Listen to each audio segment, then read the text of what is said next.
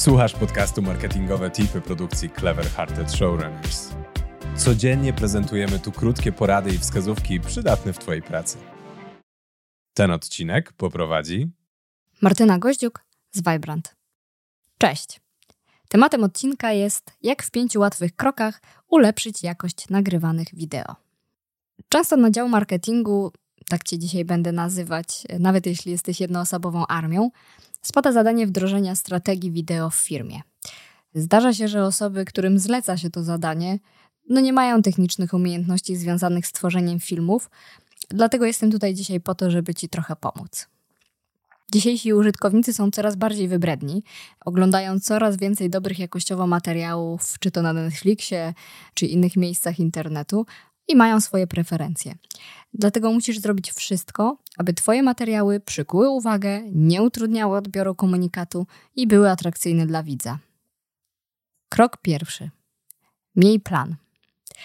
Często w zespole rzucane jest hasło: robimy filmy. Najgorzej, jeśli motywacją do tworzenia wideo jest argument, że musimy to zrobić, bo konkurencja ma już kanał na YouTubie. Warto się zatrzymać i zadać sobie pytanie, jaki jest cel naszych działań wideo, co, dla kogo i po co chcemy tworzyć. To bardzo ważne pytania. Jeśli to już wiesz, możesz usiąść do spisania zarysu poszczególnych odcinków. Każdy odcinek również warto przemyśleć i podzielić według e, no, znanego pewnie wszystkim schematu, czyli początek i hak, wstęp, rozwinięcie, zakończenie, a na koniec jakieś fajne wezwanie do działania. Nie pisz słowo w słowo tego, co chcesz powiedzieć. Lepiej napisz sobie po prostu to w punktach, żebyś miał to dostępne gdzieś e, pod ręką, żeby w czasie nagrania można było na to zerknąć. Dzięki temu Twoja wypowiedź będzie dużo bardziej naturalna i taka swobodna w odbiorze.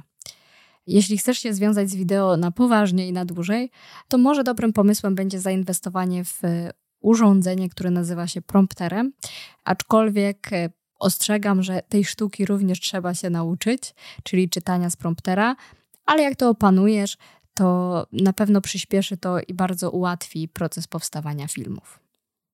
Krok drugi. Zadbaj o dobrą jakość dźwięku. No dzisiaj użytkownik wybaczy ci trochę gorszej jakości obraz, ale nie wybaczy ci gorszej jakości dźwięku. Szczególnie, że dzisiaj wielu użytkowników korzysta z słuchawek i to wyczelenie jest bardzo zauważalne. Jeśli coś trzeszczy, użytkownik po prostu wyłączy całość i nie będzie czegoś takiego słuchał, a nie oglądał. Warto zatem zainwestować w zewnętrzny mikrofon. Dotyczy to zarówno nagrywania z telefonu, jak i e, z kamery. Dodatkowo pochyl się też nad wyposażeniem miejsca, w którym chcesz nagrywać, aby było ono przyjazne dla dźwięku. Oczywiście to jest oddzielna właściwie gałąź do nauki. Tutaj zachęcam Cię do odwiedzenia YouTube'a i poszukania sobie materiałów na ten temat, bo coraz więcej osób tworzy domowe studia, więc naprawdę ta wiedza jest i jest dostępna. Tak w dużym, dużym uproszczeniu e, no, potrzebujesz dużo miękkich tkanin, czy to no, zasłony, wykładziny, różnego rodzaju które rozbiją nam dźwięk i sprawią, że, że będziemy brzmieć lepiej. Krok trzeci. Przygotuj scenografię. Moim zdaniem dzisiaj nagrywanie na tle białej ściany jest absolutnie niedopuszczalne. I znów, jeśli chcesz się zaangażować w wideo marketing, to fajnie byłoby przygotować sobie takie stałe miejsce do nagrań.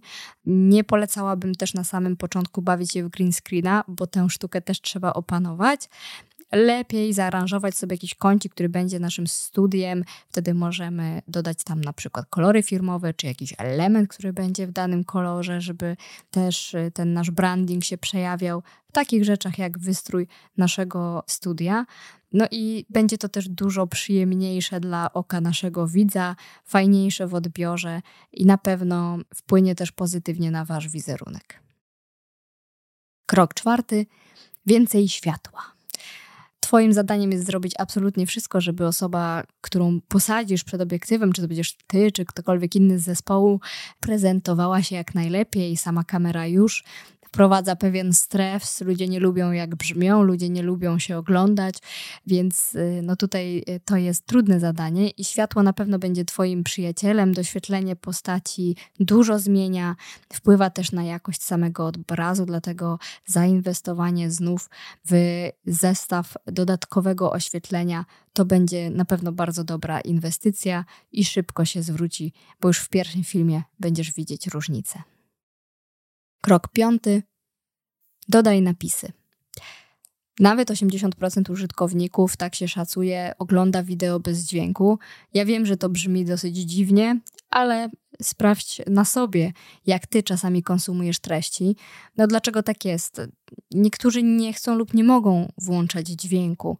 Nie wiem, ktoś jedzie metrem, zapomniał słuchawek, ktoś jest w pracy i nie może założyć słuchawek. Różne są powody i dlatego tak ważne jest, żeby nie stawiać przeszkód e, użytkownikom w konsumpcji Twoich treści.